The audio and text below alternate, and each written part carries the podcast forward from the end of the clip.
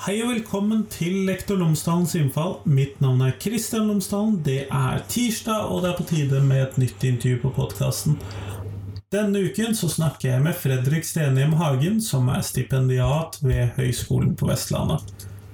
Han skriver oppgave om holocaust, undervisning om holocaust og antirasisme og fremming av antirasistiske holdninger i skolen. Så det snakker han og jeg om. Etter at podkastintervjuet er ferdig, så hører du noen av de tilbakemeldingene som er kommet når jeg stilte spørsmålet på Tenketorsdag hva er et skoleparti? Eller vil si, hva gjør et parti til et skoleparti? Det kommer etter intervjuet. Men i hvert fall, nå så skal du få intervjuet med Fredrik. Det får du her. Vær så god.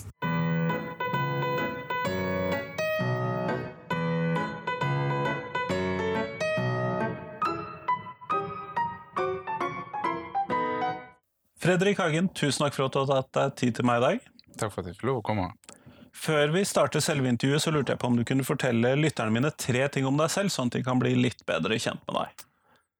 Eh, ja, det første jeg tenkte skulle si, eh, det som er mest relevant kanskje for vår samtale, det er at jeg, jeg arbeider på Høgskolen på Vestlandet her i Bergen. Og skriver en, eh, en doktorgrad om antirasisme i, i norsk skole. Um, og det andre jeg skulle fortelle er at eh, før jeg gjorde dette, så var jeg eh, kontaktlærer i en fordelt skole i Fusa kommune. Veldig, veldig fin skole der. Og det tredje var at jeg, jeg lever et lykkelig dobbeltliv. Eh, som de fleste som, de fleste som har dobbeltliv, lever lykkelig en stund med det. Og jeg tror jeg skal leve lenge, lenge med det. Og det at jeg i tillegg til å jobbe på høgskolen, så, så er jeg skjønnlitterær forfatter. Så jeg har gitt ut tre diktsamlinger i tillegg. Nettopp. Flott. Det får jeg vel lenke til i shownotesen. ja, ja, det får du gjøre som du vil med. Det... Jeg pleier å gjøre det. Eh, men flott. Kunne du fortelle lytterne mine litt mer om dette prosjektet ditt? For det er jo kanskje der vi bør starte i dag. Ja, eh, det er alltid vanskelig å vite hvor en skal begynne når en skal beskrive et prosjekt. I hvert fall når en er midt i det, når det ikke er avslutta. det er mye greiere når det er ferdig. ja, eller det er det jeg går og hopper på, i hvert fall. Men det, altså, jeg kunne si litt om, om, min inngang i prosjektet først, kanskje, så kanskje det er litt enklere å følge. Uh, og jeg er utdanna uh, eh, lærer. og Jeg har skrevet mastergraden min i historiedidaktikk. Og det er altså det kjenner, Begrep kjenner sikkert lytterne dine. Altså, Vi tror de gjør det, men det er læren om å lære bort historie. Ja, nettopp sant. Og da skrev jeg en mastergrad om uh, holocaustundervisning. Altså om hvordan en underviser om holocaust og hva forbehold en må ta, og hva det innebærer å undervise om holocaust. Og da eh, studerte jeg både eh, lærebøkene som var i bruk den gangen. Nå er det vel kommet masse digitale ressurser, og det, den er kanskje litt utdatert, men Og så studerte jeg òg Jeg gjorde intervjuer med en rekke lærere, og da de fortalte meg hva de la vekt på når de underviste om holocaust, og, og i hva grad de syntes det var sentralt på samfunnsfaget Altså dette var ungdomsskoleelever. Nei, ungdomsskolelærere. Altså, så der, både samfunnsfaget er jo Historiefaget er en del av samfunnsfaget der. Uh, og så skrev jeg ferdig denne masteren, og så uh, jobba jeg som lærer noen år. Og så, uh, som en del av uh, regjeringens handlingsplan mot antisemittisme, så ble det utlyst en rekke midler Stipendiater, ja. Stipendiater, blant annet. Som mange ulike institusjoner i Norge fikk penger til å utlyse stillinger på. Og da ble jeg oppfordra vel egentlig til å søke på et sånt stipendiat fordi at jeg hadde skrevet den, den masteren om holocaust. Eh, og da gjorde jeg det, og begynte å jobbe på høgskolen i et prosjekt som handler om holocaustundervisning, men òg om antirasisme i litt bredere forstand. Eh, først og fremst knytta til eh, samfunnsfaget på ungdomsskolen. Eh, med litt sånn historiefaget som min spesialitet, kanskje men òg eh, antirasisme generelt i grunnskolen. For det er, jo, det er jo ikke bare til stede Selv om det er kanskje naturlig å tenke at det er noe som hører hjemme i samfunnsfag, så, eh, så, er jo det eh, det, det, det, hører jo til i alle fagene, og i, i den eh, i, i, den danningen som, som skolene skal gi alle elevene sine. Og, eh, og, i prosjektet mitt så, så må jeg si det at nå fremdeles Eller er omtrent halvveis i det prosjektet, og det, i høst så kommer det to artikler for de som er interessert eh, i, i, i de funnene som jeg har gjort. Og de to artiklene som kommer der, det er en som handler om eh, Altså hva som er blitt gjort fra myndighetenes side eh, siden 2009 til i dag, og også til den nye læreplanen som kommer nå. Og så kommer det en artikkel der jeg har undersøkt ungdomsskole, eller intervjua ungdomsskoleelever om hva de, hva de vet om rasisme, og hva de eh, Eller sagt på en annen måte, hva de legger i hva de legger i rasismebegrepet. Og så kommer det neste år en gang en ny artikkel om, eh, om hva om, om, om holocaust-undervisning eh, og altså det kunnskapsgrunnlaget eh, som elever har om, om det temaet i forhold til eh, antirasisme. Da. Du er med andre ord godt i gang med prosjektet, da, hører jeg, siden det kommer to artikler nå, og det neste artikkelen antag høres ut som er underveis. Eh, jo da, ja, jeg, nei, altså, jeg, er nok, jeg er jo godt i gang, jeg er jo halvveis, så jeg, jeg går tom for penger før eller siden. Men, men jeg føler alltid da for, at en kunne gjort mer, og at det, en har liksom ikke fått lest alt, en har ikke fått grepet alle nyansene, og en har ikke fått sett alt fra alle de sidene en, har lyst til å se det fra. Så, eh, så sånn sett føler en alltid at en ligger litt bakpå, eller alltid i starten nå. Men, men, men så må en jo, sånn er det jo med, all forskning, i hvert fall i, i humaniora, at en før siden så må en bare si ok, dette er det som jeg har tenkt til nå, og så, og så tenker vi videre sammen, eller de andre forskere. Så, eh, så ja da, nei, jeg er kommet et stykke, og de, de to første artiklene er jo ferdig da, egentlig.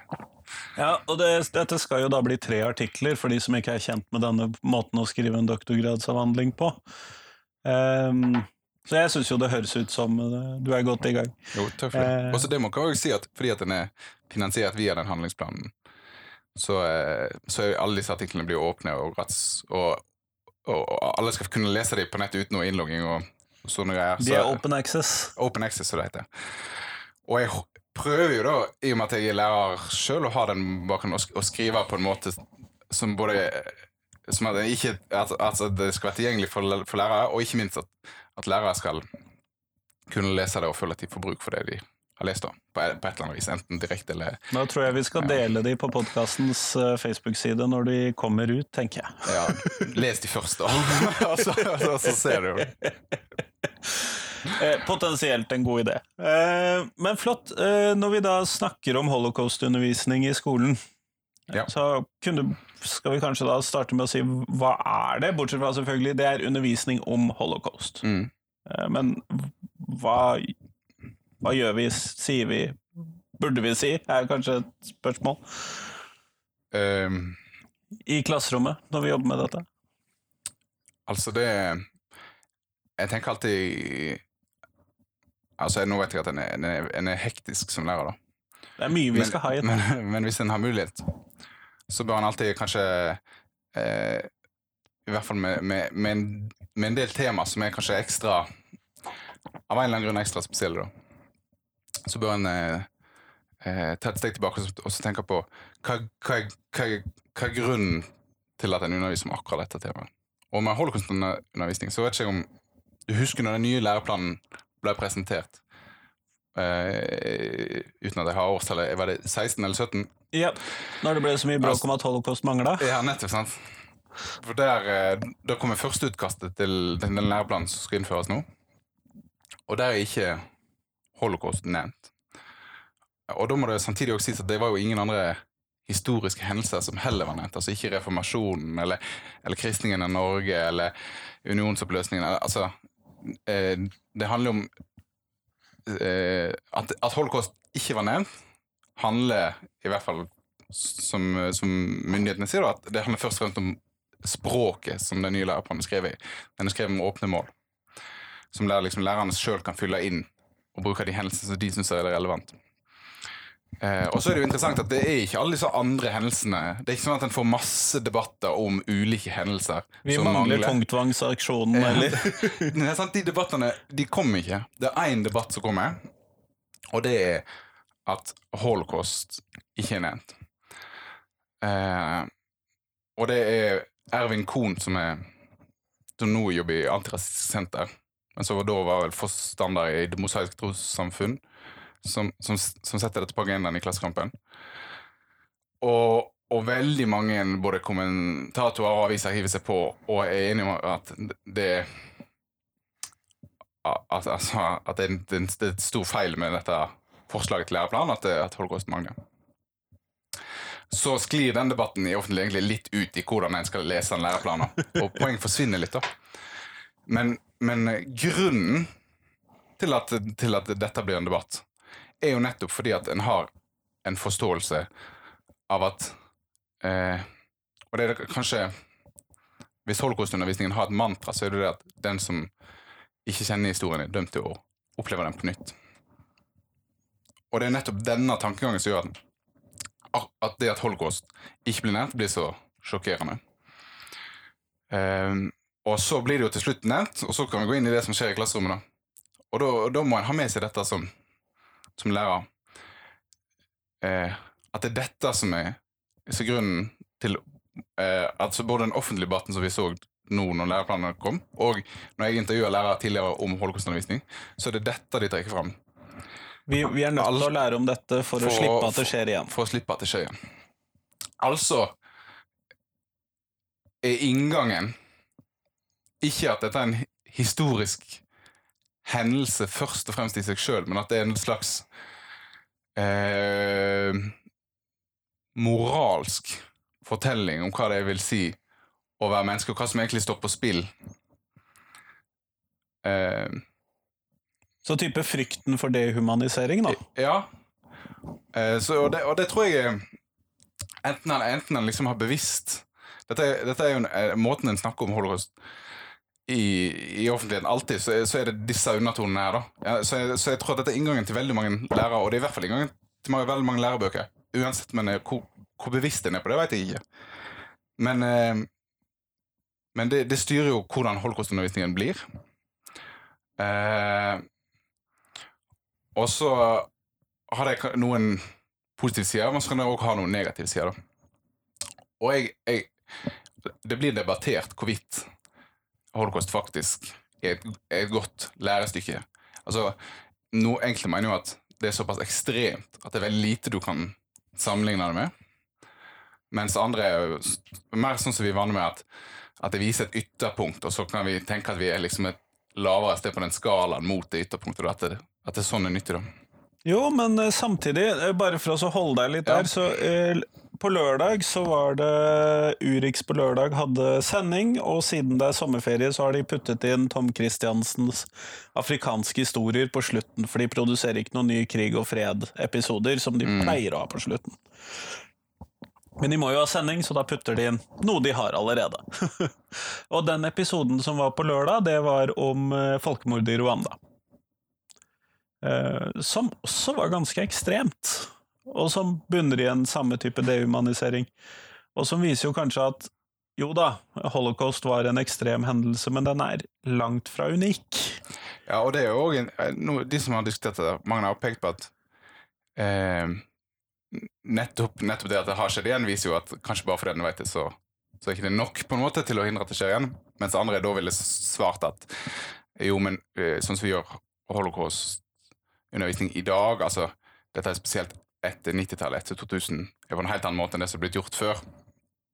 Men eh, eh, jeg tror jeg jeg tråden litt her. Du får, du får ta, stille et spørsmål. Men når vi da møter eh, holocaust-undervisningen i skolen, så skal vi jo da Du snakker om at eh, Jo, jo la, la meg Ja, Ja. jeg, jeg tror han kommer tilbake. Hvis hvis en sammenligner eksempel med Rwanda, da. Sånn Ja. som du, du snakker om det med humanisering. Veldig, veldig eh, sentralt poeng for at disse folkemordene kan skje. Sant? At du ikke ser på den offergruppen din som eh, mennesker på samme måte som du sjøl er et menneske. Og, og det er òg et veldig veldig viktig punkt for de som underviser om holocaust. Og så er jo det da eh, nettopp her det kan bli problematisk.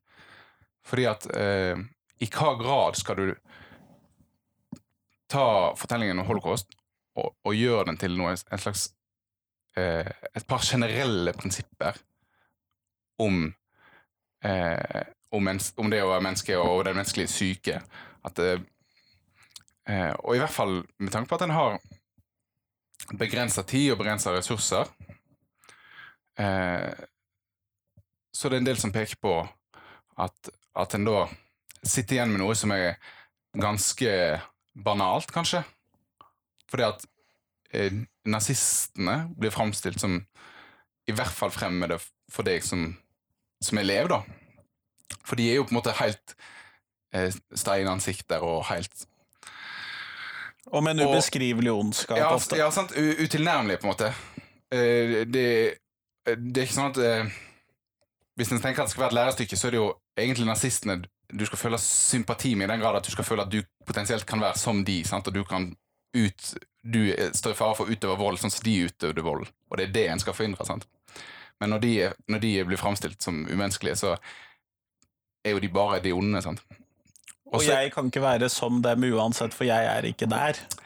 Det er jo faren, da. Ja. Det er jo faren hvis, hvis, en, hvis en ikke tar, tar seg tid til å forklare hvordan Jeg må jo også huske, huske at holocausten er altså det er en ganske ekstrem hendelse, eller ikke ganske, en veldig ekstrem hendelse, som skjer i en krigssituasjon òg. Så det er veldig mange sånne lag som må på plass før den kan sammenligne med sånn som vi, da. Og så er det òg en eh, Og det samme skjer med ofrene, da. Nå skal, ikke vi gå, nå skal ikke her gå inn i altså, Når en snakker om holocaust, så kan en mene om ulike ting. Men hvis en tenker på i dag, altså på det jødiske holocaust, så er det òg at eh, de aspektene med hvorfor ofrene, eller akkurat den gruppen blir ofrene, kan òg bli helt sånn eh, altså at den, at den blir helt banal, på en måte. At den ikke blir for, det, er ikke noe, det er ikke mulig å få noen forståelse for hvorfor eh, hvorfor akkurat jødene ble ofre. Eh, og det er jo noe som jeg, som jeg har intervjua elever, at de vet veldig godt hvem som er ofre. Altså ikke bare jødene, men også de andre gruppene som er ofre. Men en liten forståelse for hvordan Altså det virker litt sånn tilfeldig. Hvorfor sånn. det ble dem. Ja, og, og det tror jeg òg er veldig respekt for ofrene. For en har ikke lyst til liksom Hvis en begynner å spekulere i det, så blir det fort at en liksom legger skyld på ofrene. Og det skal en jo ikke. En typisk setning som en møter i en lærebok, er jo eh, at jødene var ofre kun fordi de var jødiske. Og det ville jeg sagt så helt feil, da. Fordi at jødene var ofre fordi at nazistene var antismitte. Og det er liksom og, og, Så jeg må det, Og det er en nyanseforskjell der. Absolutt, da. Absolutt da. Det, det er ikke, det er ikke Ofrene er ikke avgjørende. Men som en eh, altså, eh, Så det jeg prøver å si her, er vel egentlig at det, det er et veldig komplekst fenomen. Eh, og som representerer noe som er, som er liksom det ytterste som vi som samfunn ikke har lyst til å gå til. Vi, vi, vi, at, og, det, og det tror jeg det er brei, brei enighet om. Dette er liksom Vi skal aldri dit igjen, da. Og så blir det litt sånn Og så blir en veldig opptatt av, av, av det moralske med det, og så, og så kan det være at detaljene forsvinner litt. Og så sitter kanskje elevene igjen med noe som som, som føles ut som et veldig sånn lærestykke. Ikke, ikke lag konsentrasjonslærer, eller ikke sånn. og så har han kanskje den forståelsen på plass for at dette lærestykket faktisk skulle eh, trengt inn på en eller annen dypere måte. Ikke at den faller bort, da. Så eh, Så humaniseringsbiten kan kanskje falle litt Dette med ikke Eller anse alle mennesker som mennesker faller kanskje litt bort. Eh, ja. Eh, ja, ja, ja, kanskje nettopp eh, at en i, får, i en slags sånn opplæring i, i hva dehumanisering er, dehumanisere både ofrene og overgriperne litt. da. Men jeg, jeg tenker i hvert fall som lærer når man går inn i det, så må man være bevisst på hva den egentlig vil, eh, vil under, undervise her, og så være tydelig på den historiske konteksten som det skjer i, men samtidig som en kan formidle at dette er noe som har skjedd igjen andre ganger, og, og som potensielt, og kanskje mest sannsynlig også vil skje flere ganger i fremtiden. Eh, og så ikke bare kaste ut liksom bilder av hauger av lik som jeg, jeg tror kanskje mange lærere vegrer seg for det, da, men lærebøker gjør det ganske eh, Og viser i hvert fall veldig tynne mennesker stående i fangedrakter i litt sånn kummerlige rom. og Ja, som også er et sånt element som gjør det vanskelig å kjenne Eller, eller det er så ekstremt, sant, så det er vanskelig å eh, hvis, hvis, hvis det målet er den At en er opptatt av eh, av den, den moralske opplæringen, så, så blir det noe som kanskje står i veien, med, med mindre en liksom følger den stien som, der, som gjør at en ender opp dit. da.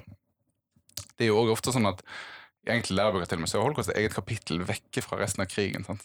Mens både antisemittismens historie og krigen henger jo før, og Israel, ikke minst etterpå, henger, henger jo sammen med holocausten. Og, og, og det er jo liksom en hel can of worms, det med Israel, og, og det er jo noe som gjør det vanskeligere for enkelte lærere å Det politiske rundt staten Israel Ja. etter holocaust, ja. Ja, nå merker jeg at jeg bare åpner masse ting og lagt dem på bordet. Og, ja, men, Jo, igjen, jo, ja. men, men det er jo viktige ting som er viktig at man som lærer har tenkt på. Jeg, jeg, tenker ikke at jeg først og fremst skal fortelle alle hvordan de skal undervise om holocaust. For jeg tror det, det blir gjort på veldig veldig mange gode måter rundt omkring. Og så vet jeg jo at det er mange, både lærere og foreldre, som samler inn penger og reiser til Polen til konsentrasjonslærer. Eh, og det er jo, jeg tror jeg, en veldig når, når det blir gjort ordentlig, da, så er det, en veldig, så så, så er det, er utrolig mye læringsutbytte i det. Og, eh, så, så jeg skal absolutt ikke fortelle, fortelle hvordan det skal bli gjort, for det blir gjort veldig mye bra. Jeg bare, Men det er viktig bare, at man har tenkt på en de, disse problemene som finnes, da. Eh, jeg var på en konferanse i, i Nederland i fjor, eh, der, der det var gjort undersøkelser med, nettopp med Israel. Og, altså det med Israel og, og, vi, og lærere som vegrer seg veldig for å omtale ofrene i konsentrasjonsland som jødiske. Fordi at de møtte så mye motstand fra en del elever nettopp pga. Israel-konflikten. Så, de- Nettopp, så, de- nettopp. så de plukka det vekk, mer eller mindre, da, eller bagatelliserte det jødiske ved, ved, ved ofrene av holocausten. Og, eh, og det tror jeg ikke de lærerne hadde gjort hvis de hadde liksom gått tenkt over hvorfor er det egentlig Eller hva er det egentlig gjør når jeg, jeg, jeg eh, underviser om dette. her. Eh, og så kan det jo være at kanskje noen lærere vil se helt vekk fra det den der moralske oppdragelsen i det som, som gjør på en måte at Holgos-undervisning er et begrep, og ikke 1814-undervisning er et begrep, på en måte. Så, Ja, og det er jo en, en inngang til det, da. Å undervise liksom i, i, i de historiske faktaene helt sånn Som et konkret historisk tema, liksom. ja, men da vil jeg jo altså, slenge litt teori til det og, og si at det, blir det finnes alltid en moral i enhver fortelling. Da. Og historie som fag er, er konstruert eh, nettopp som fortellinger, som, som tekster. Så, så selv hvis du tenker at det er det du skal gjøre, så er det en moral i den undervisningen. Da. Eller det er en, det er en Ja, det er rett og slett sånn historiefag fungerer, da.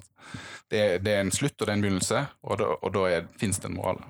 Så, så tenk gjennom bitene, bildene, film. Hvis du skal se film, veldig mange ser jo Schindlers liste. Alt, hvis du skal gjøre det, bare, bare ha et kritisk blikk på det, og tenk liksom hva det er Hvorfor akkurat den? hvor- Hvorfor akkurat det, og liksom være, gå litt, være litt vrang med deg sjøl og tenke liksom, hva er det mest problematiske med, med det jeg gjør her, da. Men jeg tror i, det- store og hele så er veldig mange, eller alle lærere som jobber med dette, har, har gode intensjoner, og veldig mye av den undervisningen er veldig god. Men det kan være at enkelte det, det som først og fremst går fram av mine undersøkelser, er i hvert fall at en del sånn konkrete faktaopplysninger nesten om hvem ofrene var, og hvem overgriperne var, og, og, og hvordan de havna der de havna, mangler, som gjør at det er litt sånn uangripelig hvis du stiller ungdomsskoleelever spørsmålet hvorfor, hvorfor, hvorfor var jødene ofre for holocaust, eller hvorfor var det de homofile ofre for holocaust, så er det litt sånn det var det for, De var det fordi de var det, på en måte. Og det, da tror jeg ikke en har helt nådd igjennom. da.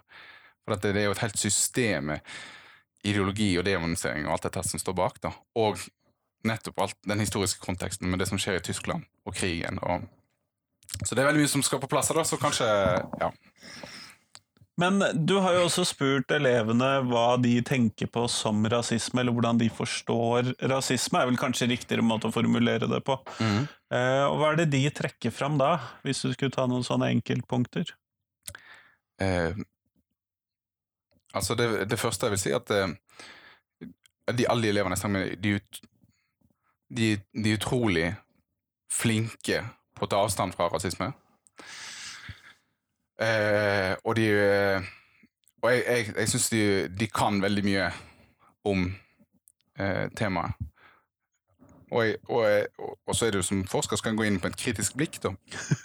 Så, det, så jeg vil bare liksom ta de forbeholdene først og fremst. da. Vi har gjort I den norske skolen så gjør vi veldig, veldig mye riktig i denne eh, opplæringen her. Og så har jeg funnet noen eh, problematiske sider når jeg har intervjua eh, eh, de norske elevene.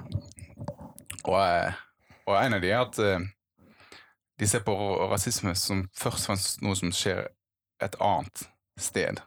Det er ikke noe som fins her. Eh, det, hvis det fins i, i Norge, så det, altså det, da er det enten i fortida, tidligere Norge, det, og det er de helt bevisst på at det har funnet. De, og de kan trekke fram mange, mange eksempler, annet forfølgelsen av samer. Og, eh, eller det fins i eh, Altså i mennesker som er utenfor normalen. Hvis, hvis det fins rasisme i Norge, så er det eh, så det i slags eh, ja, Det er hos utbryt- avvikerne. Avvikerne, det er Ja. nettopp ordet jeg lette etter. Eller i andre land. Ja, ja. Sånn, de er veldig flinke på å se eksempler i USA, eksempel. Så, så det er enten i et annet sted geografisk, et annet sted i tid, eller hos utgrupper i samfunnet. Ja. Det er bare nett uh, Så, så det, jeg bare skulle se den formuleringen jeg har brukt. nå. Og det er rett og slett postrasistisk. For det er sånn de Det er det jeg har kalt måten de beskriver det norske samfunnet nå. At, at vi er ferdig med altså den, den, I den grad det er rasisme i Norge i dag, så er det en slags etterdøning av noe, eller noe som kommer utenfra. da. Og i tillegg til det at de, de ser på Norge som et, altså et slags postrasistisk samfunn, så, er, eh, så tenker de òg på rasisme som et fenomen som har et individuelt utgangspunkt. Altså det er individer som er rasistiske, først og fremst. Eh, det, det er på en måte et problem med din moral eller din verdensoppfatning hvis du er rasistisk. Det er lite rasistisk. strukturell eh, Eh, Ja, de tre, de, og, vi, og når jeg på en måte utfordrer dem på det som går på strukturell rasisme, så er det en slags sånn eh, individuell vridning av det. For, altså, for eksempel når de beskriver Nazi-Tyskland, så er det eh, Hitler som overbeviser eller lurer alle andre til å bli til å få hans meninger. Så det er på en måte det, det er ikke nødvendigvis strukturen i Tyskland, det er sånn fra individ til individ. Den store lederen har manipulert eh, befolkningen til å bli sånn. Ja, sant? Og, og det gjør jo at en del av eh, de potensielt eh, rasistiske eh, hendelsene og systemene som vi har i Norge i dag, eh, faller ut forbi rasismebegrepet deres. da. For eh, i, i dag så snakker en jo veldig mye om det som du kaller strukturell rasisme. Altså og skjult rasisme i strukturer, og det kan gå på folk som ikke blir innkalt til jobbintervju, eller det kan bli altså Stoppet av politiet oftere, eller alle disse eksemplene som jeg har sett. Eh, og det eksempelet er veldig forklart med at politimennene altså, som individer som er rasistiske. Men, mens, mens det er system Det går litt sånn over hodet på dem, da. Eh, og også, og det, også det, det siste liksom, kritiske punktet jeg hadde, det at rasisme eh, får elevene hatt eh, for å bruke vitenskapsspråk, altså det, at det er epistemologisk uklart grunnlag. Altså eh, hva som egentlig avgjør om noe er rasistisk, er ikke tydelig for elevene. Altså, jeg, al- al- altså Hvis du skal sammenligne rasisme og diskriminering på et annet grunnlag, så er ikke det avklart for elevene hvor, hvor skillet går. Og det er og dette har andre forskere sett på tidligere fra lærer- og lærebokssida. At altså, begrepet rase er jo noe som vi ikke er vant med å bruke i Norge i det hele tatt. Og, og veldig mange lærere vegrer seg for å bruke det. Og, jeg, og sammen samme gjelder læremidler og lærebøker. Eh, og jeg skal ikke si at vi skal altså, altså, jeg, Og jeg er veldig kritisk til begrepet sjøl, hvis du bruker det liksom eh, altså Hvis du bare bruker begrepet sånn som en ser det brukt i USA, da.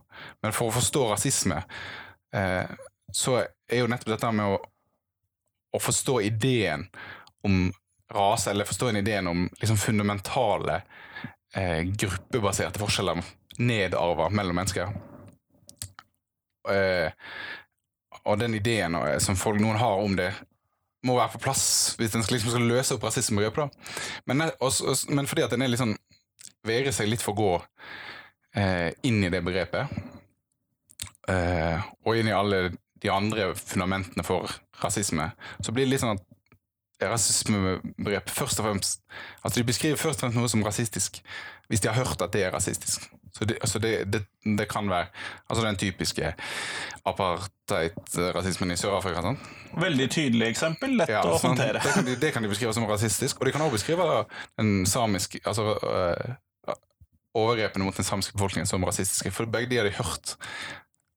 Øh, de har hørt begge de som eksempler på rasisme, men hvis de blir utfordra på hvorfor eh, altså eksempel dette med, som nå har vært mye med, med, med, farge og sånn. Så Hvis de blir utfordra på de tingene, så sliter de veldig med å, å sette ord på hvorfor begge deler skal kalles rasisme. Når det er sånn Når de ikke klarer å De har på en måte ikke de grunnleggende byggeklossene på plass. da.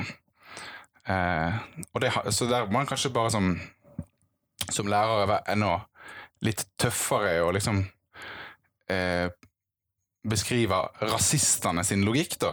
Uten at en skal gå inn og liksom ta den logikken på alvor, så, skal så kan en beskrive eh, den logikken som de bruker, da.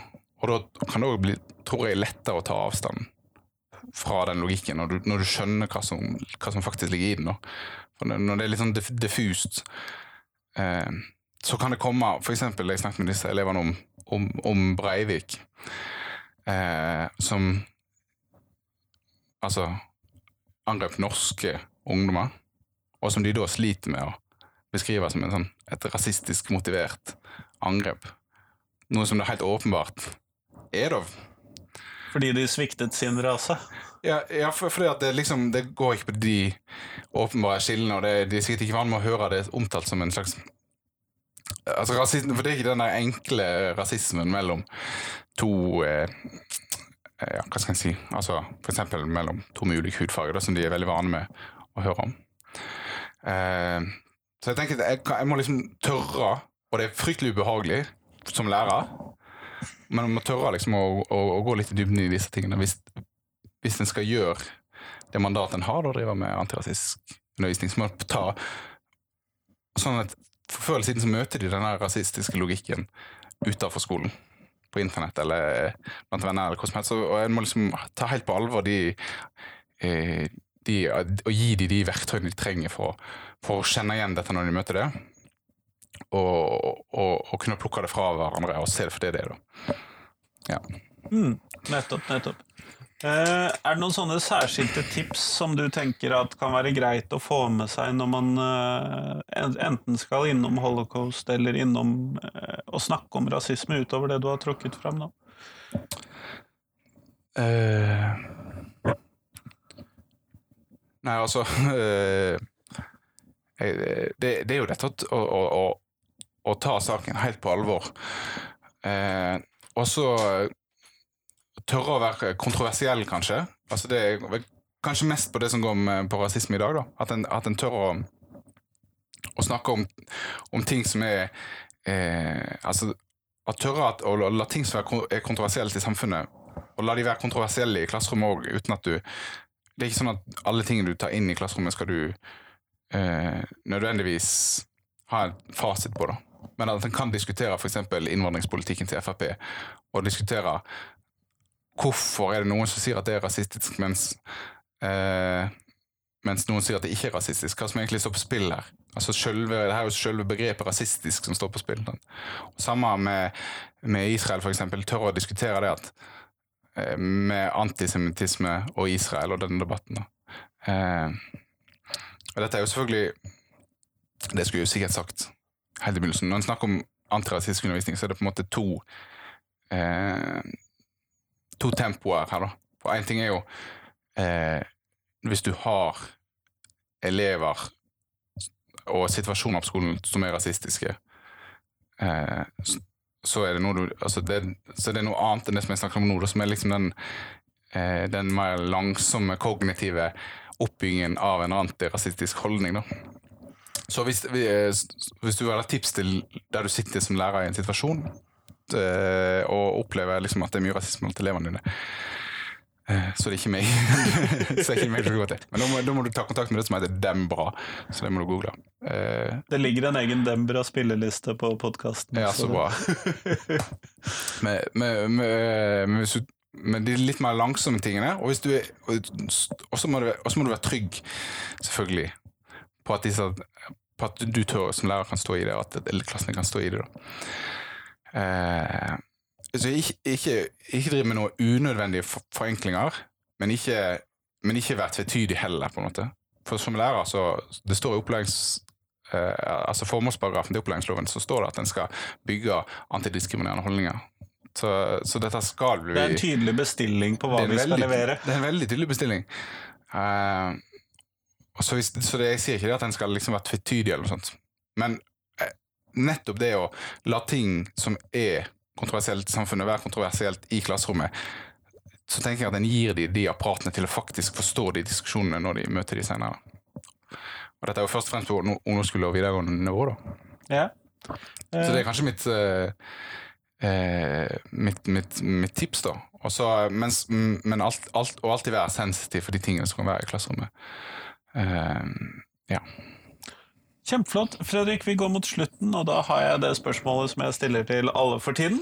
Og Mm. det er eh, hva er de tre viktigste tingene skolen lærer eh, elevene? det aller viktigste en lærer på skolen, det er å lese en tekst ordentlig. Og da, tenk, da mener jeg ikke den eh, Da mener jeg ikke den grunnleggende lese- og skriveopplæringen, men, men altså den litt mer avanserte leseopplæringen. For at Forstå det som er mellom linjene og Å kunne forstå hvordan en tekst er bygd opp, hvorfor den begynner som den begynner, og slutter som den slutter, og hvorfor de argumentene som er der, er der. Eh, Og det er rett og slett fordi at eh, i samfunnet vårt så er altså eh, Og da bruker jeg en veldig vidt tekstbegrep her, da. Altså det med, det med kommunikasjon er så sentralt. Og det å, å, å forstå og kunne imøtekomme tekster på en ordentlig og selvstendig måte, det er helt, helt sentralt. Eh, det, det, det, så det tenker jeg det er faktisk det aller viktigste. Den kritiske tenkningen hører jeg ligger godt inn i den uh, Ja. der. det kan du si. Ja, ja, det kan du si. Og så det, det, det andre tingen jeg tenkte på, det er eh, å lære å lage mat. På, for det, det, det, det er det mange som ikke kan, altså. Så det, og, og det der fysiske, å skjønne hvor mat kommer fra, og at det ligger et arbeid bak det, og alt dette her. Så det som er i heimkunnskapsfaget Nei, det heter vel mat og helse nå. Altså det det syns jeg er så utrolig viktig å få hele den prosessen fra fra, fra levende dyr eller grønnsaker til ferdig mat. Og få forståelse hva den faktisk innebærer, og det fysiske med det. Eh, og det siste, ja, hva skal jeg si, det er vel kanskje Jeg syns det er utrolig viktig på godt og vondt, og dette samspillet eh, elever mellom seg De har i friminuttene mellom seg. Og, der, og det er jo lett å tenke at det er utenfor skolens kontroll, da. men det er det jo selvfølgelig ikke, at det er skolen som bestemmer hvordan friminutt fungerer, og hvordan en tar opp og diskuterer tingene som blir gjort, og hva, hvor mye kontroll og hvor, mye, hvor lite kontroll en har i friminuttene. Så det er bare den der omgangen med andre mennesker, mennesker som en liker og mennesker som en ikke liker, og hvordan en orienterer seg og plasserer seg i forhold til det som skjer i friminuttet, det er òg noe av det aller viktigste en lærer på skolen. Kjempeflott. Tusen takk for at du tok deg tid til meg i dag. Tusen takk for at jeg fikk komme.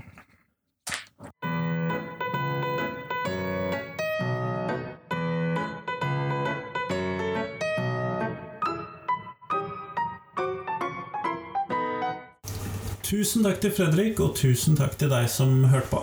Jeg lovet før jeg startet denne sendingen at jeg skulle si noe mer om hvilke tilbakemeldinger jeg fikk på hva gjør et parti til et skoleparti på Tenketorsdag. Eh, og inne på gruppen Politisk ungdom, for det tenkte jeg at det var nyttig å høre hva ungdommene, eller de som i hvert fall deltar der, eh, hva de tenker om dette. Og Tore Mangseth sier at for meg er et skoleparti et parti som tør å tenke helt nytt i hvordan skolen skal være.